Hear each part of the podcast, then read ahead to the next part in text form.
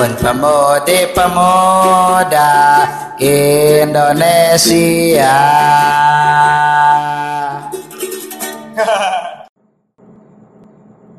Halo, selamat datang kembali di Kata Pemuda hari ini episode 2 Kita masih mau ngobrolin soal muda-mudi mungkin ya Anjir belum puas lo anjir ngomongin yang kemarin. Enggak, kalau kemarin kan lebih apa ya? Lebih nggak tahu bisa dibilang berat atau enggak ya. Tapi gue ngerasanya sih agak berat. Tapi gue cuman mau sharing keresahan aja hari ini ngelihat bukan bukan mau nyalah-nyalahin atau mendiskreditkan suatu gaya hidup tertentu gitu loh. Tapi gue cukup eh, terganggu aja sih sebenarnya sama perilaku-perilaku manusia muda zaman sekarang. Tadi gue ngeliat di Instagram itu, mungkin lu juga pernah lihat ya kalau lagi lihat anjir sebegitu cringe dan menggelikannya itu Yang mana ya? Ge? ada pemuda pemuda anak-anak anak-anak nggak jelas gitu lah Eh, cover lagu kayak di TikTok gitu tuh nangis dia terus terkenal Yang mana yang nah itu bisa tapi mungkin oh sebagai hiburan oke sah sah aja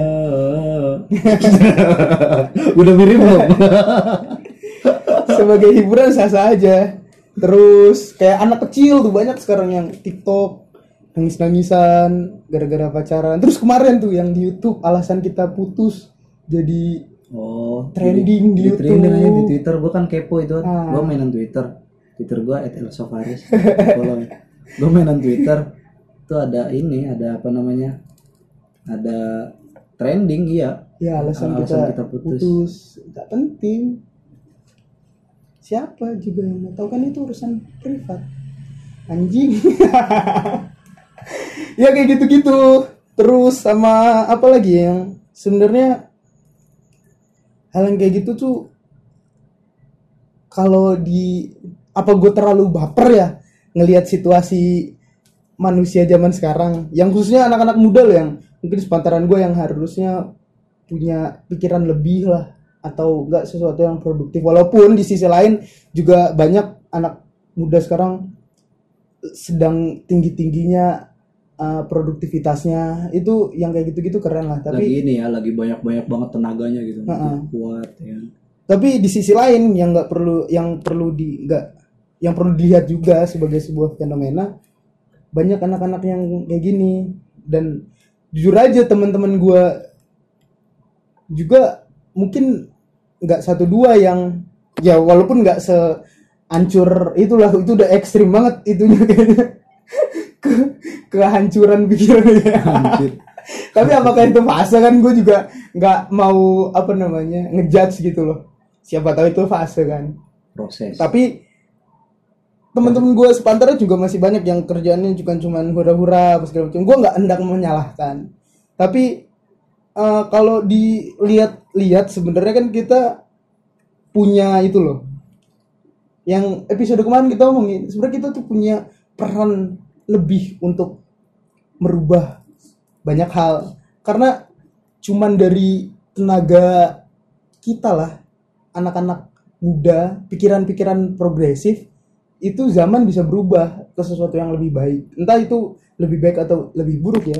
Tapi itunya tuh bebannya tuh di kita.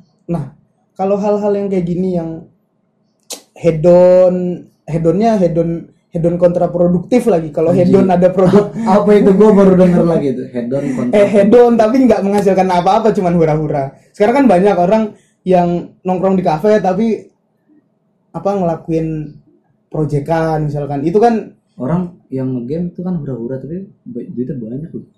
nah itu Itu gimana? itu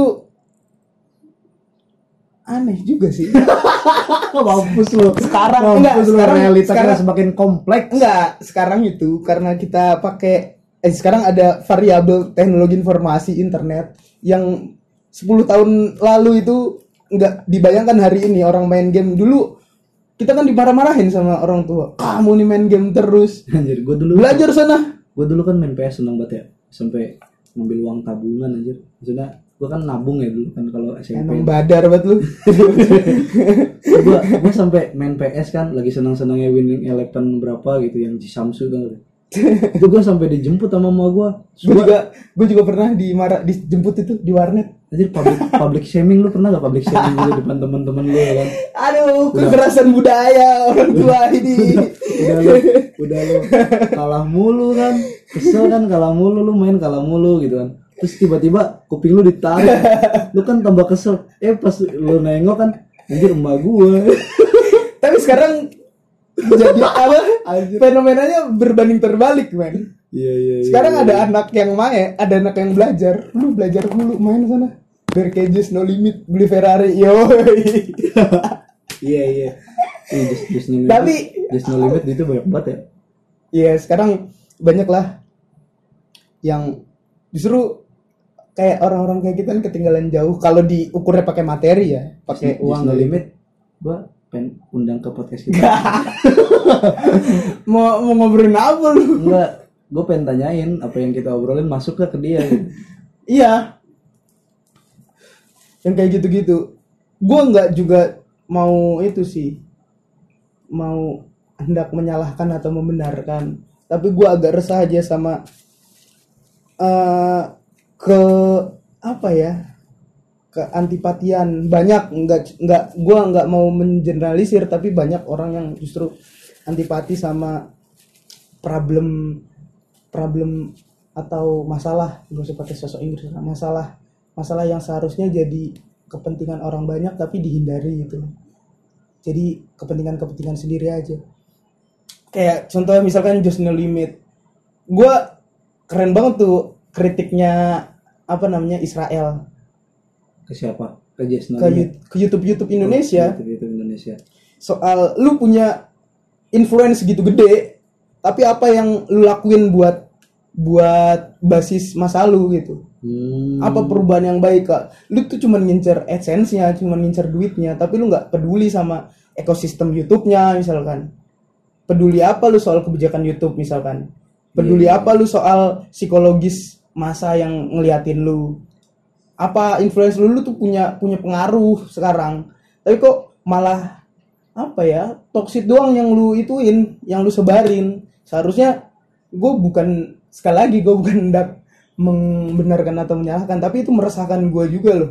Kayak hari ini YouTube terus ya banyak ya TikTok TikTok kayak gitu-gitu.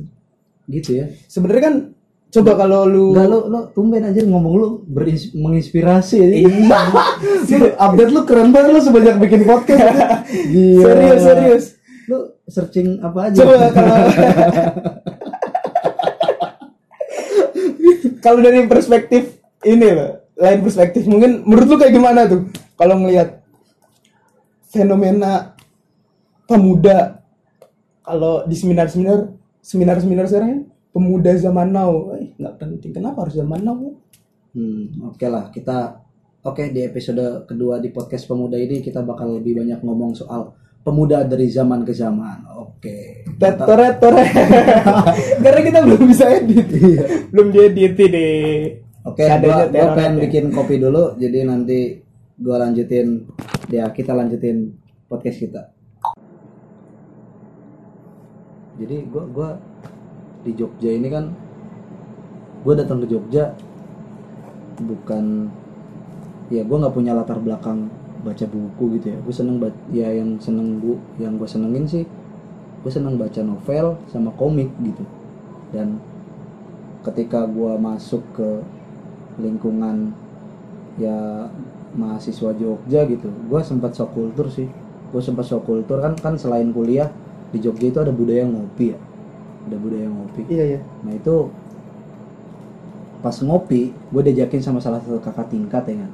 Diajakin ngopi. Eh Riz ngopi Lis dulu kan masih pakai BBM ya kan? Masih apa? Pakai BBM BBM oh. Masih BBM Tawan Nah. sekalian berapa? Gua update. BBM nah itu gue diajakin. Nah sampai sampai sono gue mesen kopi anjir. Nama namanya absurd absurd gila anjir. Ada kopassus ada sukop ada kotang ini kotang kan. Saru banget saru. Gitu. Gua gua minum aneka ya gua apa aneka hidangan aneka jajanan di warung kopi itu. Terus ada ada satu pertanyaan yang menarik gitu di dalam obrolan ngopi kita. Itu kakak tingkat gua nanya gini kamu lagi baca buku apa Riz? Anjir lagi baca buku apa? Penohok. iya iya. tuh itu gimana isinya deh kamu lagi baca buku anjir. Maksudnya lu kan gua gua sih awalnya mikirnya ngopi kan aktivitas yang santai kan? Aktivitas yang Ya, santai. aja ngobrolin. itu kan aktivitas akhir gitu loh sebelum lu mengakhiri aktivitas lu lu tidur habis itu lu besoknya ya aktivitas baru lah ntar lu mau kuliah atau mau piknik atau yang lainnya gitu.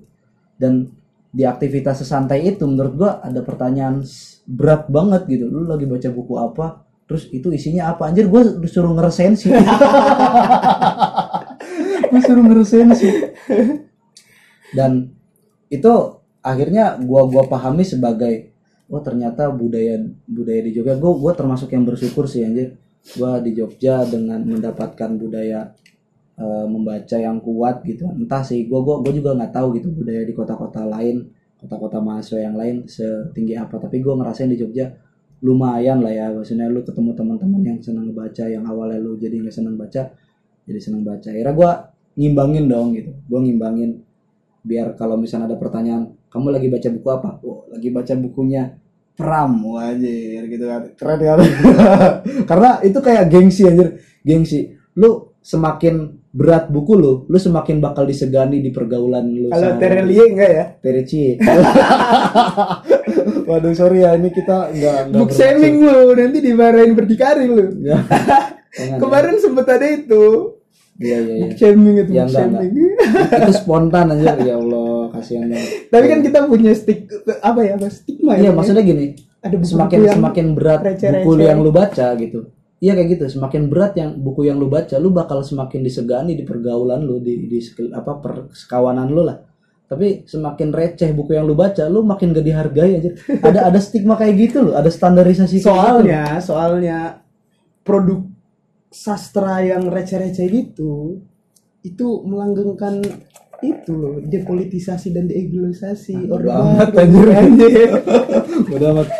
jadi Nah, kita nggak tahu itu itu itu bridging aja sih sebenarnya sebenarnya yang pengen gue bilang gue pernah baca buku Pram gitu aja sih sebenarnya gue pernah baca buku eh Pram kan itu lekat sekali dengan apa namanya gabungan antara fiksi dan non fiksi dia Iya, dia, punya terinspirasi dari karangan masa ya. lampau. Karangan-karangan masa lalu terus dia olah segala macam Terus apa yang pengen gue omongin soal pemuda ya ya gara-gara gue baca Pram sih. Jadi ngomongin soal pemuda yang tadi lo resahin gitu hari ini pemuda tuh kayak apa misalnya. Ya kita nggak bisa nyimpulin secara yang nggak bisa nyimpulin apa aduh sejenal generalisir gitu atau Ah, ah, maksudnya muda nih hari ini nggak ah nggak- nggak gitu. sesederhana itu betul gitu. betul tapi yang gue lihat sih entah ya gitu entah entah gua salah apa benar gitu. Nanti teman-teman yang dengerin bisa koreksi gitu. Ya setahu gua sih pemuda itu punya andil besar gitu dalam dalam kehidupan dari semua zaman gitu. Semua zaman andilnya besar banget. Kayak misalkan gue pernah baca buku Pram yang tetraloginya gitu kan. Mm-mm. itu kan empat empat buku ya anjir. Gua nggak habis pikir lu itu gua- itu pasti KW itu Weh. ya enggak.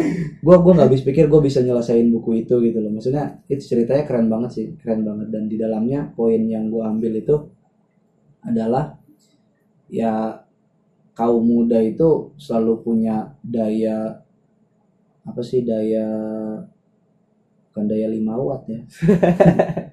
Ya lampu. daya daya untuk untuk mendorong kehidupan masyarakat mendorong ya secara general lah mendorong sejarah lah untuk menuju arah yang yang yang lebih rasional. dari dari kuantitas menuju kualitas aduh. Gitu. lu kayak ini kayak kayak ini kayak apa namanya lu masak air gitu kan. Masak air air kan ca benda cair ya kan. Terus lu ya lu panasin akhirnya kan itu dari kuantitas menuju kualitas dari cair menuju uap gitu kan. Nah pemuda itu punya daya kayak gitu sebenarnya gitu kan sebenarnya. Makanya masak air. eh, ah bisa masak air. Ya yang yang misalkan dulu itu ya zamannya apa Pram kan nyeritain kisahnya itu di awal abad 20 ya? Betul. Di awal abad 20 di mana eh, Indonesia hari ini dulu itu bernama Hindia Belanda masih dijajah. Terus ya dia nyeritain kaum muda dengan berbagai macam uh, lika-liku kehidupannya anjir lika-liku kehidupan. Lika lika eh, apa lagu lika ya lanjut lanjut lanjut. Gitu. Ya dia dia point of view-nya itu satu tadi gitu. Pemuda itu punya daya gitu punya daya. Dia dia nggambarin tokoh utamanya itu dia selalu setelah mengalami peristiwa di hari-harinya dia itu selalu kayak ngerefleksi anjir gua nih siapa? gitu gua di apa dia tuh ngobrol sama beberapa orang dan obrolan itu selalu menyudutkan dia gitu. Terus dia akhirnya merefleksi kayak misalkan ada satu adegan kayak ada satu adegan misalkan nih si Minke ini kan bangsawan ya? Hmm. bangsawan anak bupati. Akhirnya dia priai. Priai ya, ya. bangsawan. Anak bupati. Ya priai itu kan. Ya ya priai lah.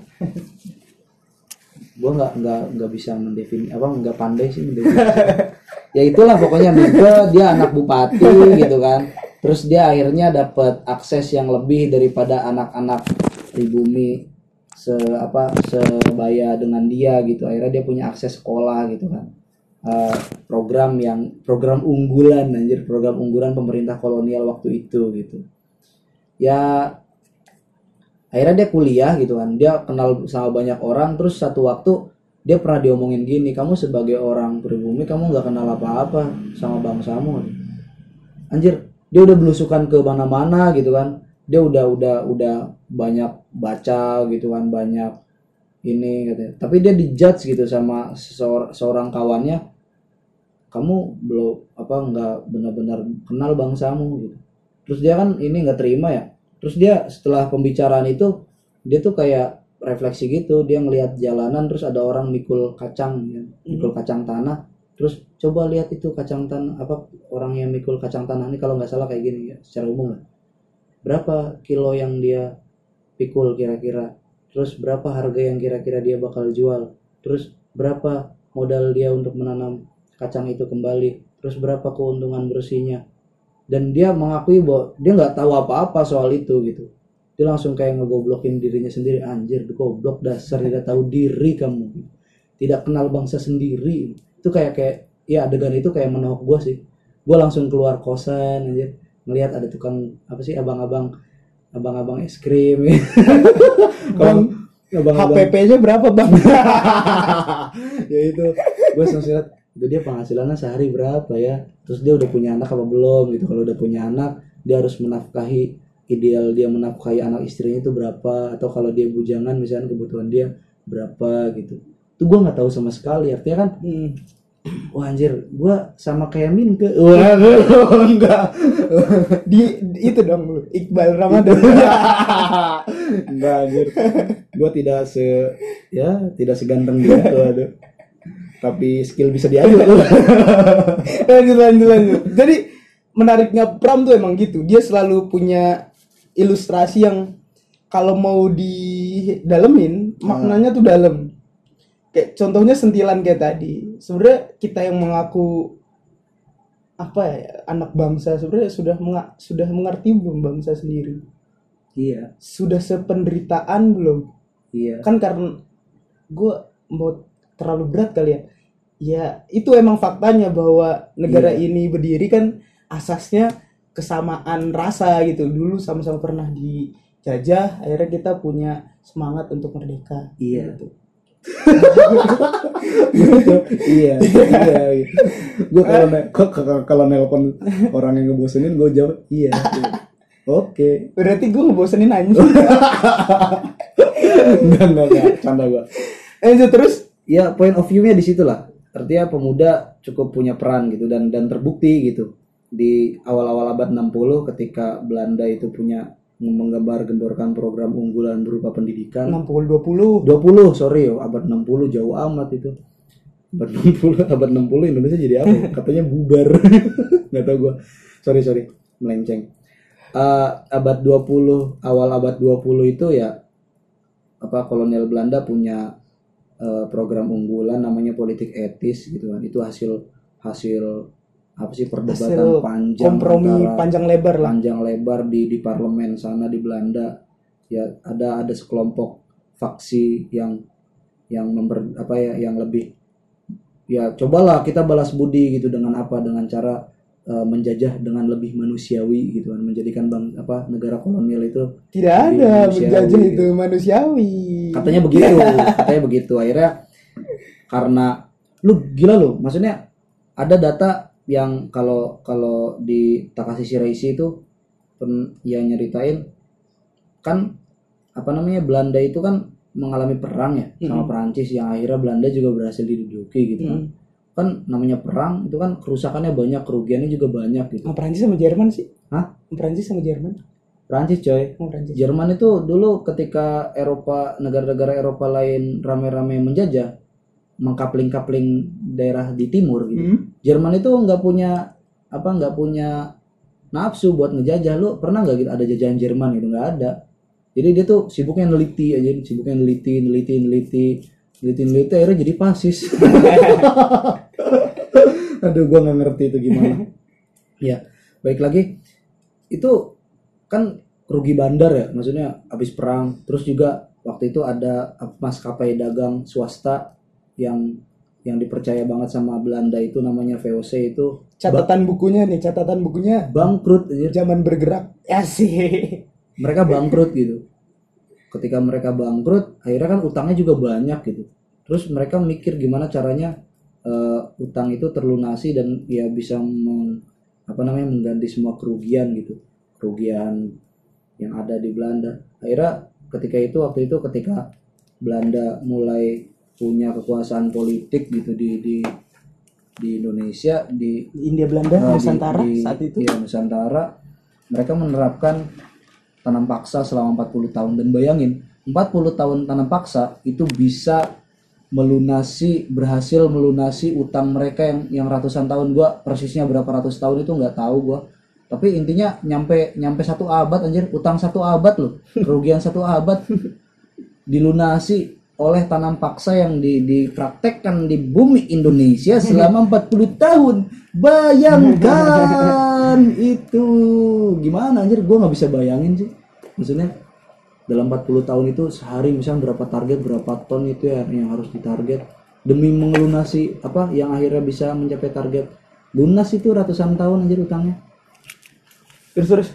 makanya kan ya dipandang waktu itu ya sangat tidak manusiawi gitu. Sehingga uh, muncul keputusan baru ya kita harus menjajah yang lebih manusiawi. Hingga muncul ada namanya politik etis atau yang disebut dengan politik balas budi gitu. Politik balas budi. Makanya mereka bikin-bikin regulasi-regulasi terbaru gitu. Regulasi-regulasi terbaru terutama ada di edukasi itu pendidikan gitu. Mereka bikin akhirnya mendirikan sekolah-sekolah formal di Indonesia gitu khususnya di Pulau Jawa Sumatera ya banyak lah banyak tempat gitu terus mereka juga bikin irigasi mereka nggak cuma ngejajah gitu nggak cuma eksploitasi tapi juga membangun aja membangun Infrastruktur. infrastruktur jalan tol waduh Enggak, ini enggak. jalur air jalur air ya untuk mempermudah.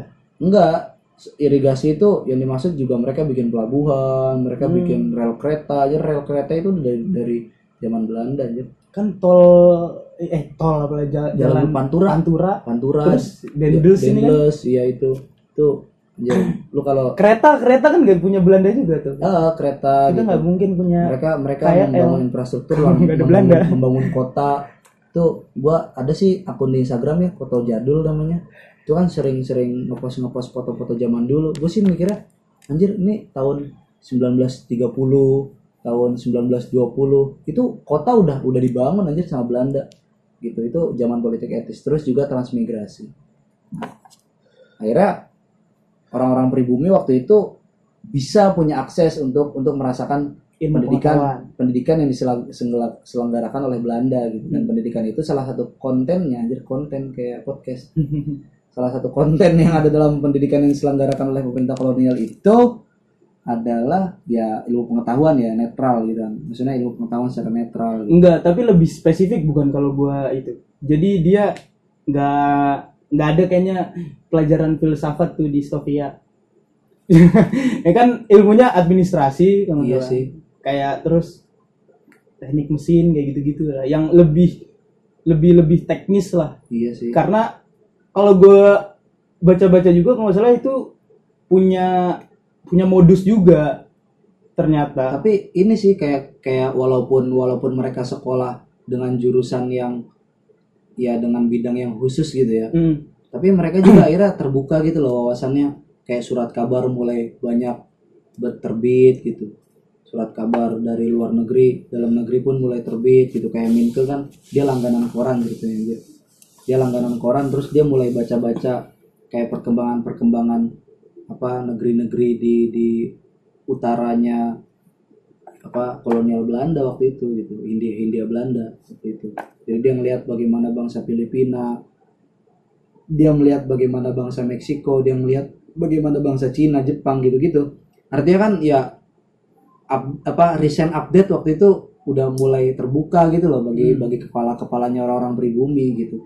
Sehingga kemudian ada satu puncak mereka yang yang mendapatkan akses jadi kaum terpelajar itu mulai menyadari anjir ternyata ini bukan program unggulan. Ternyata ini adalah program bag- sisipan. Iya ditunggangi gitu loh. Ada ada ada tunggangan gitu. Ada ada ada ada satu kepentingan yang menunggangi. Apa kepentingannya? Ternyata waktu itu ada iya semacam- biar Belanda kaya juga. Iya sih maksudnya ada kayak semacam eksploit apa ekspansi besar-besaran gitu. Betul. Kalau awalnya eksploitasi itu kayak ada semacam eksploitasi besar-besaran gitu eksploitasi yang yang tadinya kan industri itu kan industrialisasi kan cuman ada di Eropa Hmm. Nah, waktu itu kayak ada ekspansi besar-besaran gimana caranya industrialisasi ini dipraktekkan juga gitu loh di negara-negara jajahan. untuk merendahkan ongkos produksi Nah, itu dia ya. Ya, gue sih, gue pernah jualan sih. Dan salah satu prinsip yang gue pakai ya modal sedikit untung banyak. Dan kayaknya waktu itu pembisnis pembisnis pembisnis kolonial di Belanda juga mikirin itu deh. Dan itu kayaknya teori lama. Lu anak manajemen pasti paham lah gitu.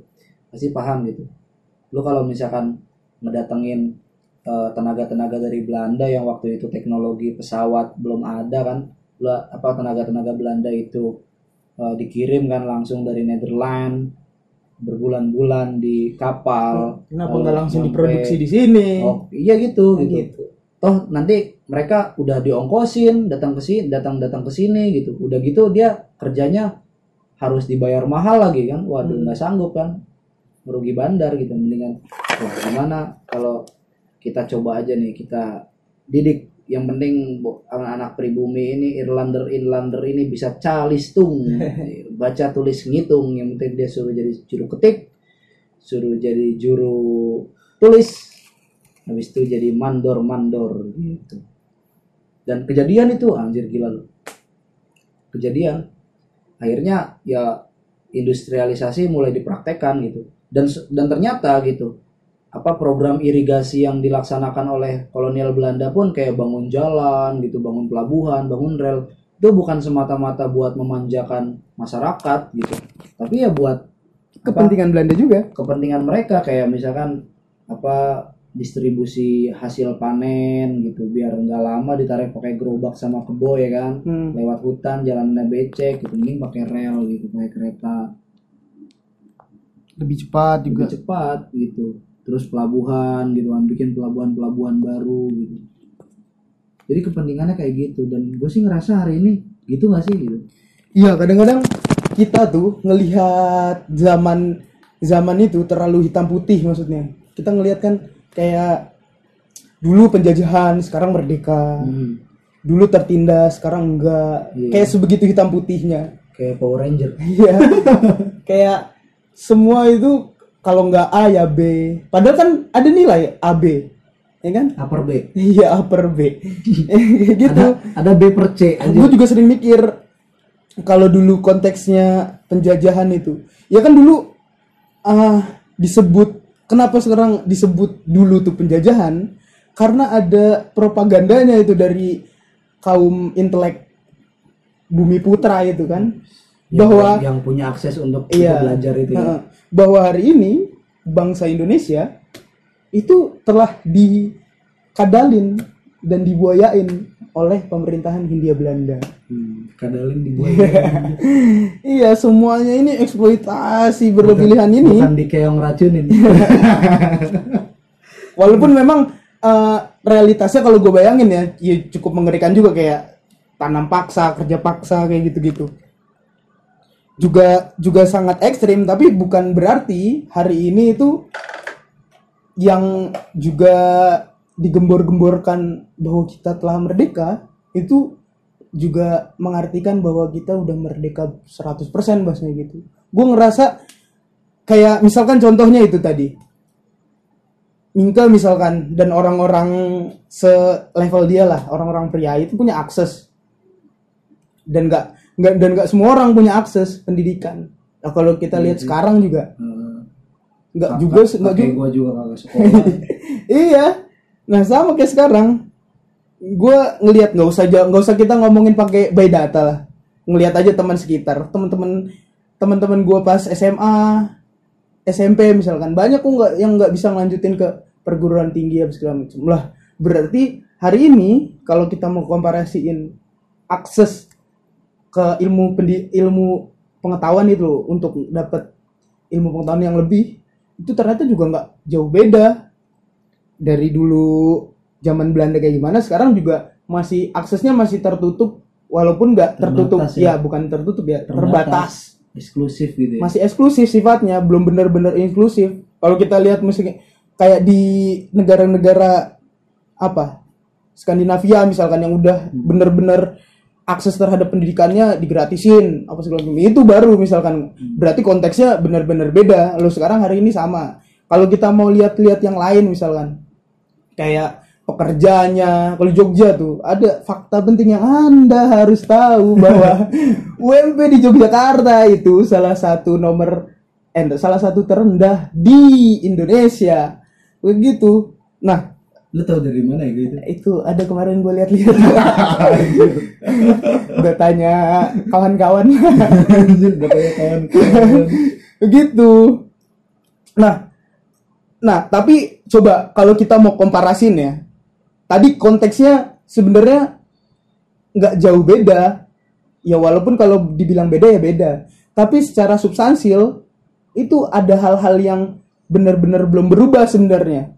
Nah coba kita komparasiin. Misalkan dulu ada pergerak kalau di itu ada perubahan yang cukup masif dari misalkan dari pra kemerdekaan kita sebutnya sampai kemerdekaan sampai kata Soekarno kan revo, kemerdekaan Indonesia adalah pintu gerbang saja. Revolusi belum selesai bung kan gitu bahasanya. Tan itu pemuda-pemudanya progresif kan gitu. Tapi ya ya akhirnya coba itu sih. nggak maksudnya kita lihat eh, karakteristik pemudanya sebenarnya kayak gimana dan hari ini kontekstual nggak misalkan Kalau dulu ya. sifatnya kayak gimana? Kalau dulu sih ya apa namanya ketika muncul kaum kaum terpelajar bumi putra itu mereka akhirnya mikir juga sih waras juga gitu loh. Waras waras dalam artian karena emang dulu regulasinya benar-benar mengerikan lah bahasanya ya. mengerikan walaupun walaupun sedikit manusiawi gitu. Tapi tetap mengerikan gitu. Sama dong kayak ini. ra- rasis dulu tuh dulu tuh ah ya Ah ya ya FYI kan buat kalian yang belum tahu.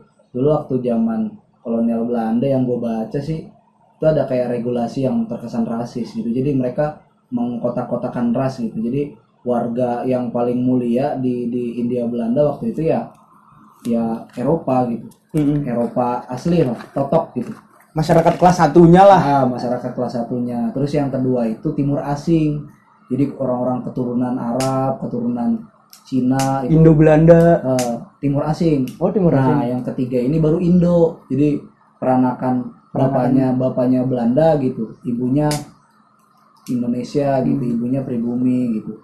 Kayak di novel Pram tuh ada namanya analis gitu aja.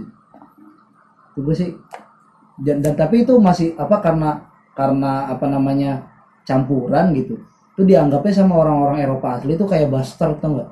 Anak haram gitu Ah. anak haram sebenarnya analis men seorang analis yang dia apa lahir dari bapak seorang konglomerat terus ibunya adalah perempuan pribumi Nyai Ontosoro dan di, digambarkannya seorang yang cantik cantiknya cantik banget katanya. Sampai-sampai Minke menyebut dia bunga penutup abad yoi.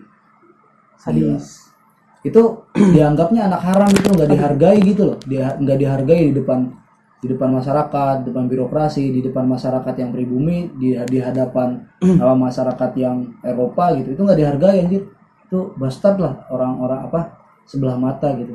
Gue sih gue sih nggak bisa bayangin anjir kalau sekarang. Kan banyak ya yang turunan-turunan blasteran gitu hari ini ya dan dia cakep-cakep anjir banyak fansnya followernya banyak.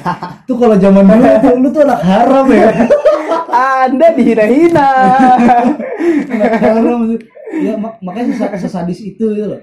Separah itu apa regulasi ya pengaturan apa warga negara gitu. Tapi maksudnya eh, Nah, itu kan waktu itu makanya orang-orang yang pribumi yang asli-asli itu yang yang mereka dapat akses apa sekolah yang sama merasa kayak apa jelas gitu loh terzoliminya itu jelas gitu. Anjir, kita emang nah itu kan Indo ya ketiga tuh Indo. Nah Hmm. keempatnya pribumi gitu. Nah pribumi juga masih dibagi-bagi lagi gitu. Ada priai terus ada santri gitu. Ada abangan itu nggak tahu teorinya siapa lah gitu. Ya kayak gitulah yang gua tahu lah ya. Nah jadi pria itu di pribumi itu kayak yang yang paling bisa diterima di hadapan masyarakat Eropa gitu. Di bawah-bawahnya itu udah kayak diinjak-injak aja gitu. Makanya anjir kayak pria aja anjir gua diterima sih diterima tapi gua nggak bener-bener setara sama mereka gitu. Padahal kalau misalnya secara skill anjir secara keterampilan gua juga sekolah mereka juga sekolah aja otak kita sama. Berarti di sana di sana akhirnya ya kaum terpelajar tuh menyadari "Oh, berarti kita setara dong nggak melihat di Eropa. Karena waktu itu ada propaganda men bahwa ya kesadaran apa tertinggi gitu loh manusia paling mulia gitu ya orang-orang Eropa gitu. Orang-orang Eropa mereka pakai sepatu lebih beradab pakai baju sedangkan kita masih telanjang gitu-gitu. Jadi mereka itu kalau apa sih gue pernah baca itu sepatu alas kaki itu kayak apa namanya hanya boleh dipakai oleh para dewa-dewa. Hmm. Sementara kita kita hamba yang lemah ini tidak boleh tidak tidak layak memakai alas kaki. Nah ketika orang Eropa itu datang ke sini memakai alas kaki itu kan jadi anjir mereka ini manusia dari dari dari alam mana nih gitu kan. Kulitnya putih gitu kan. Pakai pakai sepatu gitu. Makanya kayak kayak di dan dan Belanda menyadari kesadaran masyarakat kita kayak gitu semakin senang mereka anjir iya dong gua paling mulia gitu.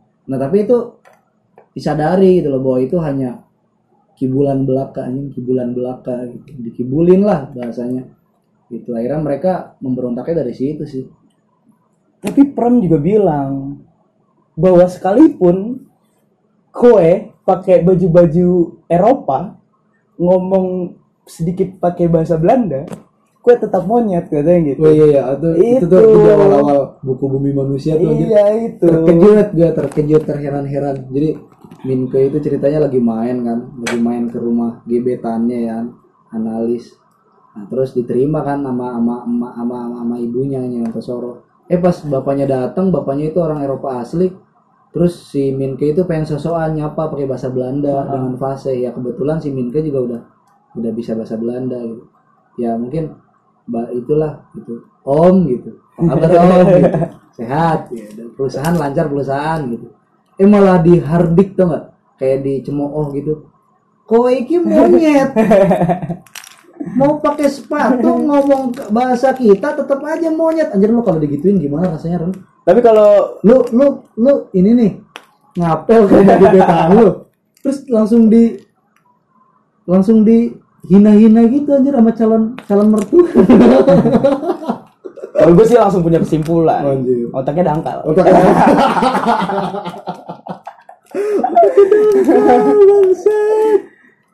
Masih rasis. Tapi maksudnya ini loh yang pakai perspektif lainnya mungkin. Kalau gue ngelihatnya juga gitu kayak zaman sekarang. Kayak lu pengen se western apa karena kita dimasukin budaya-budaya barat itu. kan. itu dari, dari dulu Ya tau maksudnya sekalipun lu pakai apa segala macam, lu ngomong sok-sok jaksel apa segala macam. at least At least ya kan. Ya, at least which is iya, sekalipun kayak gitu, kalau lu nggak kenal sendiri dengan bangsa sendiri, nggak bisa bikin maju bangsa sendiri ya di hadapan orang-orang yang merasa dirinya tinggi, ya kita tetap aja monyet dan kalau kita ngelihat secara itu loh, kita kan sebagai bangsa yang ketergantungan ya bisa apa kita? Kalau bahasanya ya kalau mau kita ituin loh konteksnya sama sekarang ya se apa namanya se fashionable apa pun lu kalau lu masih katro kalau gue mikirnya masih masih apa namanya sok-sok itulah. Sok-sok orang yang paling modern modis dan paling barat. Update lah ya, lu update, update lah. Update lah paling wih hab- habis lah tracer supreme lah semua Anjir lu kepala. nyebut merek lu. Anjir. Supreme sekarang gratis ya. Besok, besok bayar. kayak gitu kalau ternyata lu nggak mampu ngerubah pride lu sebagai bangsa Apa ya kan pride? kebanggaan lu Kebanggaan. sebagai bangsa Indonesia Jiwa korsa. iya jiwa nasionalis Anjir. Me yang nggak sempit nggak sempit ya nggak sempit iya tetap aja karena gue ngerasa itu kayak banyak orang di Indonesia yang kalau ngeliat bule kan masih kayak kayak aneh gitu loh padahal ya dia juga Kayak excited gitu ya anjir. padahal dia kayak kita juga Eh, anjir Anjir dia pelang apa? Tuh pernah nih ya. gua kenapa pernah kita nih ya. masih merasa apa namanya masih merasa lebih rendah itu loh lebih inferior dari Yang mereka itu loh Kemarin teman gua ke Pare, terus dia cerita katanya. Tutor dia itu orang London. Terus di London dia udah nganggur 6 tahun anjir pengangguran di London. Terus ke sini langsung jadi tutor. Anjir enak banget. nah kayak gitu maksudnya itu tadi terima, satu tadi satu Gua bisa nggak jadi tutor bahasa Indonesia di London? nggak tahu deh kayaknya bisa deh Kampret.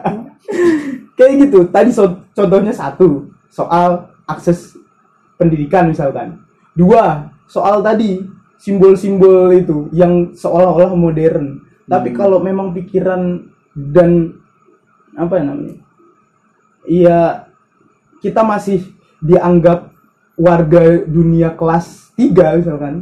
Kelas Di- tiga ya? iya kelas 3 Mau UN dong. kelas 3 ya tetap kita sebagai bangsa yang apa ya yang yang yang apa ya kalau gue bilang patut untuk direndahkan ya terlalu kasar. Tapi ya memang faktanya begitu. Hari ini apa ya kita kan sebagai ah, bangsa dan negara itu nggak punya kekuatan di mata dunia. Jadi ya masih sering dan anggapan bahwa orang Eropa orang apa itu jauh lebih maju dari kita yaitu sebagai sebuah kenyataan di pikiran masyarakat kita nah maksud maksud Berarti maksud gue gini loh menga- mengakui nggak kalau misalkan hari ini yang paling maju itu orang Eropa? Lu mengakui nggak secara nggak langsung? kalau ukurannya kalau ukurannya barat iya mereka maju tapi kalau lu menghargai keanekaragaman kemajuan manusia itu diukurnya misalkan lewat budaya lewat apa ya kita juga maju dong berarti Iya anjir. Iya maksudnya bangsa kita ini udah udah punya peradaban yang mantap loh. iya cuman itu dihilangkan ya katanya sih ya katanya. itu. nah maksud gua maksud gua gitu Riz tapi yang mau gua soroti itu maksudnya konteksnya dulu kita kan pernah mengalami zaman yang begitu ngeri lah Iya iya. dan motornya siapa Ah, kan gitu nah hari ini kita lihat siapa seharusnya motornya dan apa yang apa yang banyak keresahan ini Iya, itu iya, yang pantas untuk kita rubah juga sebenarnya. Gitu loh maksud gue tadi. Ya kalau sejarahnya gimana tuh? Ya itu sih gua gua pengen ngomongin peran pemuda zaman dulu gitu. Pemuda zaman dulu mulai mulai kayak ngobrol gitu di tongkrongan. Anjir Belanda bangsa.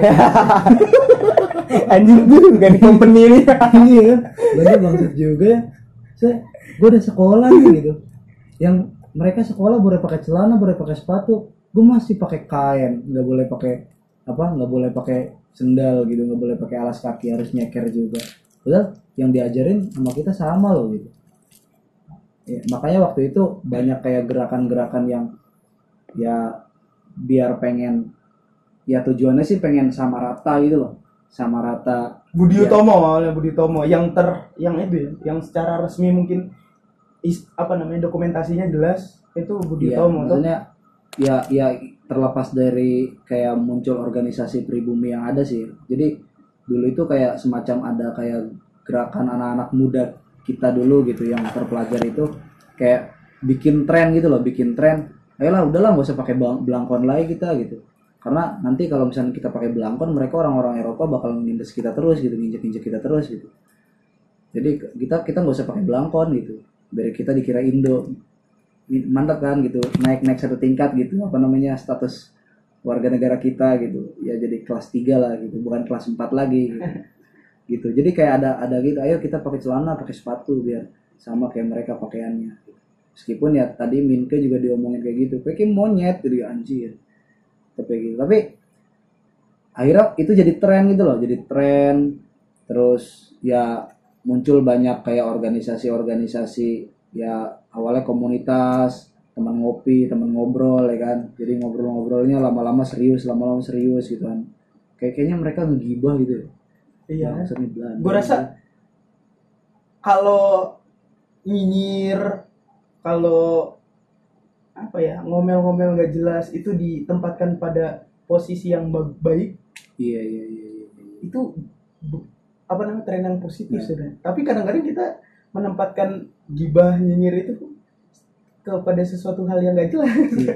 gua gua imaji- imajinasi gua main sih waktu Pram nyeritain zaman dulu itu waktu Hmm. Minke itu bisa kan bikin perkumpulan namanya Sarekat Priai gitu jadi persyarikatan perkumpulannya ya orang-orang priai gitu Hmm. jadi dia itu di sana mereka apa si Minke itu ngajak ya apa sesama pria itu untuk untuk bikin tongkrongan ngobrol-ngobrol gue sih ngebayanginnya itu kayak ngobrol-ngobrol di angkringan gitu kan. Makan wedang jahe kan. Terus sambil ngomong apa gitu. Terus si Minke ini karena dia punya keresahan dia mulai ngobrol-ngobrol hal yang serius gitu. Ngomong apa mulai ngobrolin regulasi mulai ngobrolin struktur gitu. Sampai ngobrolin petani dan segala macamnya. Tapi akhirnya Sarekat Pria bubar cuy. Iya gara-gara memang ya waktu itu ya ada yang melenceng juga sih gitu. Maksudnya nggak semua kaum terpelajar waktu itu eh, punya kesadaran yang sama kayak Minke gitu. Punya suka suka merefleksi lah kehidupan sehari-hari. Ya gue ngelihatnya kayak zaman sekarang gitu. Zaman sekarang kita anak muda gitu kan. Apa sih anak muda itu kalau nggak foya-foya nggak senang-senang bukan anak muda kayaknya gitu. Orang tua aja masih foya-foya masih senang-senang. Zaman dulu juga ada yang kayak gitu misalnya nggak lebih lebih lebih senang nonton teater ya kan?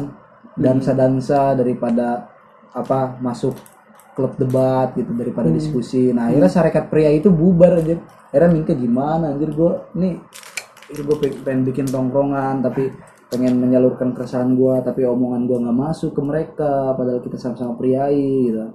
Akhirnya mereka apa akhirnya si Minke ini bikin ini bikin media sih surat kabar gitu. Ya, media surat kabar. Tapi intinya adalah ya sejak waktu wah, sejak saat itu mulai ada kayak tren baru gitu. Tren selain tren tadi gue sebutin ya orang-orang pribumi ramai-ramai pengen ke Eropa gitu kan. Ya kayak kita lah hari ini gitu kan pengennya ke Inggris ke Inggris gitu ngomongnya ya kan gitu. Gaya-gayanya pengen gaya-gaya ya mereka lah yang lebih maju gitu. Ya Iya, dulu betul. juga sama kayak gitu gitu. Tapi kalau gue dikasih beasiswa S2 keluar juga gue mau. Mau lah. Anjir mau masa nolak mau lah. Ih, ada beasiswa ke Belanda nih. Gue nggak bangsat bangsatin Belanda. Terus gue dapat beasiswa ke Belanda. Mau lah gue anjir. Dasar anda oportunis Belanda bangsat zaman dulu. Kita kan ngomongin konteks zaman dulu. Tapi Reg- maksudnya kita regulasi mereka menindas kita enggak gini maksudnya kita terlalu itu loh itu tadi kayak ih, terlalu gampang menjernalisir kayak Belanda itu pasti jahat orang luar itu pasti jahat. Ya, dulu kan kita- diceritainnya kayak Enggak, gitu. gua gua mendefi apa namanya mengitukan negatif itu bukan pada personnya sih bukan Belanda yang benderanya tapi ke watak harusnya kan? Bukan bukan ke watak. Mereka sebagai pemerintah yang menjadi yang duduk di pemerintahan waktu itu dan mereka juga membuat regulasi. Nah regulasinya itu yang kemudian nah itu. benar-benar yang menindas gitu. Kayak tadi lah regulasi ras dan lain sebagainya. Kayak gitu. Tapi sebenarnya kalau mau diituin dilihat-lihat kayak Multatuli itu kan orang Belanda anjir. Lah iya dia yang waras lah. Justru dia yang jadi awalnya motor untuk Ada bahasanya politik- apa ya? ada politik etis Nge- ya. iya ma, ma- apa namanya? Ngedorong dorong cah cah Indo lah. Dong gede-gede. Kalian nih dibodoh-bodohin sama bangsa gua. Gitu maksudnya. Lu harusnya gini-gini dikasih lah apa segala Iya. macam pengetahuan. Nah maksudnya kayak gitu loh. Ngelihat Belanda sama kayak gua sekarang ngelihat Indonesia misalkan. Ah, ngelihat pemerintahan sekarang apa segala ah, macam. kayak ini loh kayak Multatuli tuh kayak ini. Gue pernah ketemu orang Korea ya. Hah? kan K-pop kan apa namanya antusiasmenya di Indonesia gede banget ya Hmm. gua gua nggak habis pikir tuh K-popers K-popers tuh sampai rela-rela loh nggak apa-apa lah Iya, ya, iya, iya. Ya, artinya kan dia punya militansi, ya, fanatisme, gitu. keren gitu. Dan gue gue pernah ketemu orang Korea dan gue coba ngobrol kan dengan bahasa Inggris gue yang apa adanya gitu. bahasa Inggris Malioboro ya itu, gue ngobrol dan satu hal yang gue tanyain, ya what do you think about K-pop gitu. Jadi dia bilang dia ini nggak habis pikir aja apa amazing katanya antusiasme orang-orang kalian kata di apa ketik apa terkait K-popper apa K-pop gitu. K-pop di Indonesia. Padahal di sana itu kayak FTV. Lo di sini kan lo kalau ngeliat FTV kayak apaan sih lo cintaku di tong sampah gitu apa gitu cintaku dengan apa mobil ambulan gitu gitulah judulnya kan kita jadi kayak jijik apaan sih gitu. Nah di sana itu kayak gitu gitu loh. Di sana di Korea K-pop tuh kayak gitu gitu dianggapnya. Artinya kan ya cuman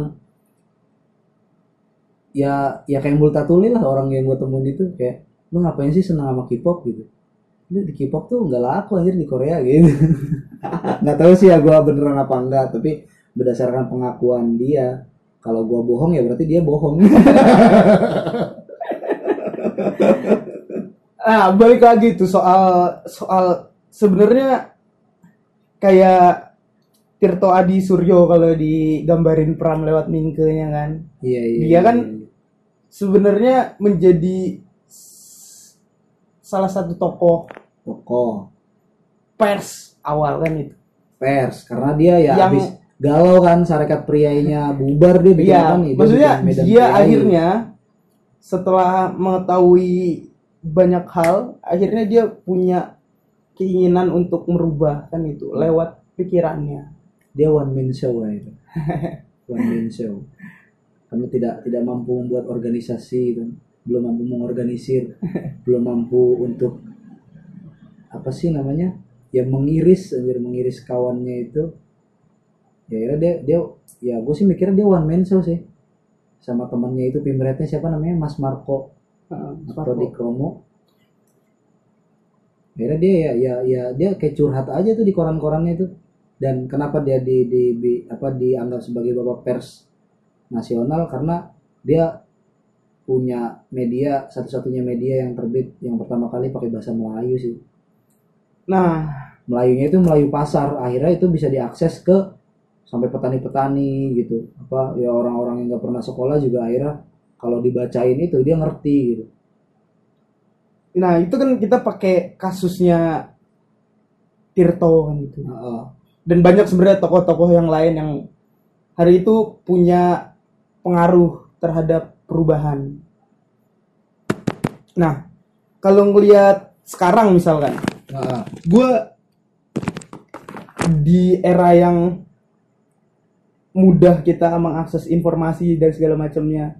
Gue nggak tahu ya apa gue yang kurang update atau apa. Eh gue satu gue nggak sepakat sebenarnya kalau perubahan itu kita harus nunggu ada tokoh atau ada kelompok orang yang akan merubah kekacauan semua ini. Bahasanya itu terlalu mesianik lah. Karena kita seolah-olah berharap ada ratu adil Iya. yang bakal menyelamatkan semua ini kan Itu gitu. adil ya. Itu adil. Nah, padahal kalau gue secara subjektif gue harusnya setiap dari kita yang punya pengetahuan, setiap dari kita yang punya akses lebih, bahasanya kan kita yang mahasiswa atau orang-orang yang punya akses lebih terhadap ilmu pengetahuan dan informasi, itu harusnya juga punya kepekaan tersendiri terhadap solidaritas kemanusiaannya kan gitu. Bukan cuman mikirin diri sendiri. Ya gue nggak nyalahin kalau orang akhirnya realistis untuk mikirin perutnya sendiri dulu daripada orang lain. Ya betul. Tapi di sisi lain buat gua orang yang punya akses lebih daripada orang yang enggak itu punya beban moralnya tersendiri nah maksud gua itu hari ini di tengah eh apa kompleks Iya, dunia yang kompleks ini hari ini di mana posisi pemuda Indonesia? perannya kayak apa sih gitu. Iya, maksudnya kalau dulu kita sampai buat gue cuman satu kesalahannya dulu tuh. Kita tuh kepleset bahasanya kan di 65. Coba kita masih berada di apa namanya route mapnya Soekarno dulu itu mungkin Indonesia keren sekarang. Idealitanya- Nah, maksudnya kan- idealitanya kayak gitu ya. Iya. Gue juga gue juga nggak yakin juga sih. Maksudnya gila lu. Maksudnya apa ya waktu itu juga ya kaum kaum terpelajar yang akhirnya sadar dan ya melakukan apa propaganda propaganda bahwa kita sebagai pribumi sebagai akhirnya di di propagandakan lebih lanjut sebagai bangsa gitu kan harus merdeka itu dan akhirnya sampaian merdeka ada ada kayak satu blunder sih. Mereka itu nggak nggak masih masih berpikir bahwa ya atau atau lupa gitu atau lupa bahwa mereka itu seorang apa sih anak didiknya Belanda gitu. Makanya kan se- disebut Soekarno Hatta Syahrir haram. anak haram politik etis gitu. Hmm. ya mungkin gara-gara mereka juga mungkin lupa gitu bahwa sebenarnya lu tuh dididik dari sistem gitu sistem yang sebenarnya punya kepentingan gitu. Kepentingannya ya tadi industrialisasi yang yang mulai dibangun di negara-negara jajahan gitu. Tapi oke lah lu punya kesadaran untuk untuk membawa kepentingan bangsa lu merdeka sehingga lu lu apa akhirnya bangsa lu punya posisi gitu loh diakui. Tapi ya kemudian nggak nggak nggak kemudian membawa membawa itu pada bagaimana caranya gitu kesadaran yang lu punya itu satu frekuensi gitu loh. Oleh apa satu frekuensi. Sama gitu sama sama masyarakat yang yang petani yang yang mereka nggak pernah sekolah bertahun-tahun kayak lu kayak Soekarno kayak Syahrir gitu. Kayaknya nggak nggak sampai ke situ. Makanya kayak ada satu sosok gitu kan waktu itu ketika awal kemerdekaan Tan Malaka yang kayak ngecengin gitu ngecengin ngeledekin lah ngeledekin elit-elit itu. Lu ini merdeka merdeka buat siapa? Buat lu doang kali gitu Nah itu maksudnya. Satu soal gue tuh nggak sepakat dan gue juga bukan hendak mengkultuskan Soekarno gitu. Tapi maksud gue kalau eh, modelnya kayak dulu misalkan, mungkin kesadaran masa ko- kolektif ini itu seenggaknya udah udah jelas duduknya itu, udah jelas posisinya itu mau mau seperti apa kita? Karena jelas pola pikir kita itu akan dibentuk seperti apa. Karena kan dulu ada zaman dulu kan Soekarno ngirim-ngirimin orang tuh kan ke luar-luar segala macam buat balik lagi Indonesia. Oh gitu yang Nah. beasiswa-beasiswa itu ya. Nah iya. Yang akhirnya nggak bisa balik. Gara-gara Soeharto. Nah maksudnya gitu. Nah hari ini kita yang hari ini seperti ini gue juga nggak tahu sih. Gue makanya kalau di dikasih pertanyaan besok kita mau jadi apa Gus? Sebegitu awam gue untuk menjawab itu karena gue juga nggak tahu. Hari ini sebenarnya sebe- sebenar-benarnya kita sedang ada di track yang mana dan posisi pemuda seperti kita itu telah menentukan jalannya Indonesia 20 tahun lagi misalkan. 10 tahun 20 tahun 30 tahun lagi. Hmm. itu mau Iya, seperti iya. apa Iya, iya. Maksudnya yang perlu kita sadari hari ini apa gitu? Mungkin ya teman-teman yang ngedenger ini juga punya referensi atau punya bahkan udah udah punya jawaban. Iya, jangan-jangan dia ada Heeh. uh, komunitas yang sangat progresif ngomongin Kalau dulu kan yang disadari sama kaum terpelajar di awal ya di zaman politik etis itu ya kesadaran bahwa ternyata program unggulan berupa irigasi, edukasi dan transmigrasinya pemerintah kolonial Belanda ini semata-mata untuk ABCD yang itu kepentingannya bukan kepentingan pribumi gitu, kepentingannya buat mereka lagi-lagi buat mereka gitu. Kita hanya dijadikan ya apa sih pekerja-pekerja terdidik gitu. Nah, sama Hmm. sebenarnya kalau gue ngeliat dari sekarang ya. Sebenarnya kayak ya gue nggak mau menyudutkan juga tapi emang itu kenyataannya bahwa kayak jalan tol apa segala macam kalau mau ditilik sebenarnya gue nggak paham tuh kenapa anjir. Sampai pemerintah sampai bikin bangun jalan tol banyak. Di Papua bangun jalan tol populasi mobil di sana masih dikit. Siapa Nah, yang mau itu lewat kan. babi nah itu sebenarnya sebenarnya digembar-gemborkan selama ini sebagai satu kemajuan buat kita itu sebenarnya modusnya kalau kita bandingin sama politik etis itu tadi. Sebenarnya keuntungannya buat siapa? Apakah buat petani-petani kita? Buat pekerja-pekerja kita buat masyarakat yang sering dimarginalkan kayak eh, usaha mikro kayak gitu-gitu. Apakah bener-bener untung atau sum- cuman sebagai dapat tetesannya doang bahasanya? Tetesan. iya. Remah-remah. Remah-remahnya doang. Cuman kebagian cipratan dikitnya doang. Cipratan. Iya. Walaupun kalau diituin dibuat argumentasinya yang padat itu bisa juga ini kan kita telah membantu ABCD apa segala macam. Tapi yang perlu gua pertanyakan yang paling mendasar sebenarnya sekarang tanah kita punya siapa? Anjir berat banget.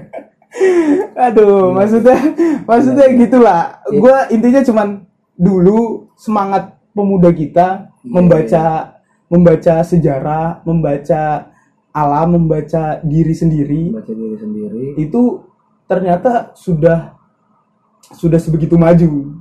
Nah hari ini mungkin lewat podcast ini mungkin jadi alat refleksi bareng-bareng. Sebenarnya kita itu sudah sejauh mana mengenal diri sendiri, bangsa sendiri, untuk seenggaknya besok anak cucu kita sebenarnya bisa nggak sih tetap mak tetap Iya. sejahtera dan makan lah ya, bahasanya. ya jujur sih gue sampai ha- ya hari ini ngerasa sih ya gue gua nggak pernah melakukan penelitian karena gue juga belum punya niat buat dalam skripsi ya. maksudnya tapi gue merasa kayaknya kok ya negara kita sedang tidak baik-baik saja masyarakat kita sedang tidak baik-baik saja bangsa kita sedang tidak baik-baik saja jangan-jangan itu yang awal mula dirasakan sama pemuda zaman dulu gitu. tapi gue ngelihat banyak semangat lah uh, di teman-teman dan gue banyak lihat di media juga kayak sekarang kan kalau by data misalkan di konsorsium pembaruan agraria itu KPA ngeluarin data berapa ratus konflik agraria selama sepanjang setahun ini setahun kemarin itu iya iya iya. tiga ratusan apa berapa dan Ya, itu banyak juga pendampingan-pendampingan entah itu mahasiswa entah itu uh, pemuda doang. Di misalkan kemarin di Kulon Progo sekarang ada di Purworejo di di Wadas kalau nggak salah. Terus Tumpang Pitu yang di Banyuwangi. Dan macam-macam dan gue ngelihatnya tetap punya semangat optimis sih bahwa hari ini nggak cuman banyak pemuda doang yang main TikTok apa segala macam tapi juga banyak juga kok yang turun ke masyarakat banyak juga yang diskusi mikirin soal petani mikirin soal buruh mikirin soal diskriminasi gender misalkan diskriminasi ras apa segala itu macam. kayaknya baru mikirinnya udah bagus banget lah. Iya. Mikirnya dulu gitu. Nah, maksudnya tapi kan seberapa jauh akhirnya eh, pikiran-pikiran itu dapat didistribusikan ke banyak orang. Nah, ketika pikiran itu berhasil bertransformasi menjadi tindakan. Oke. Oke, sekian aja.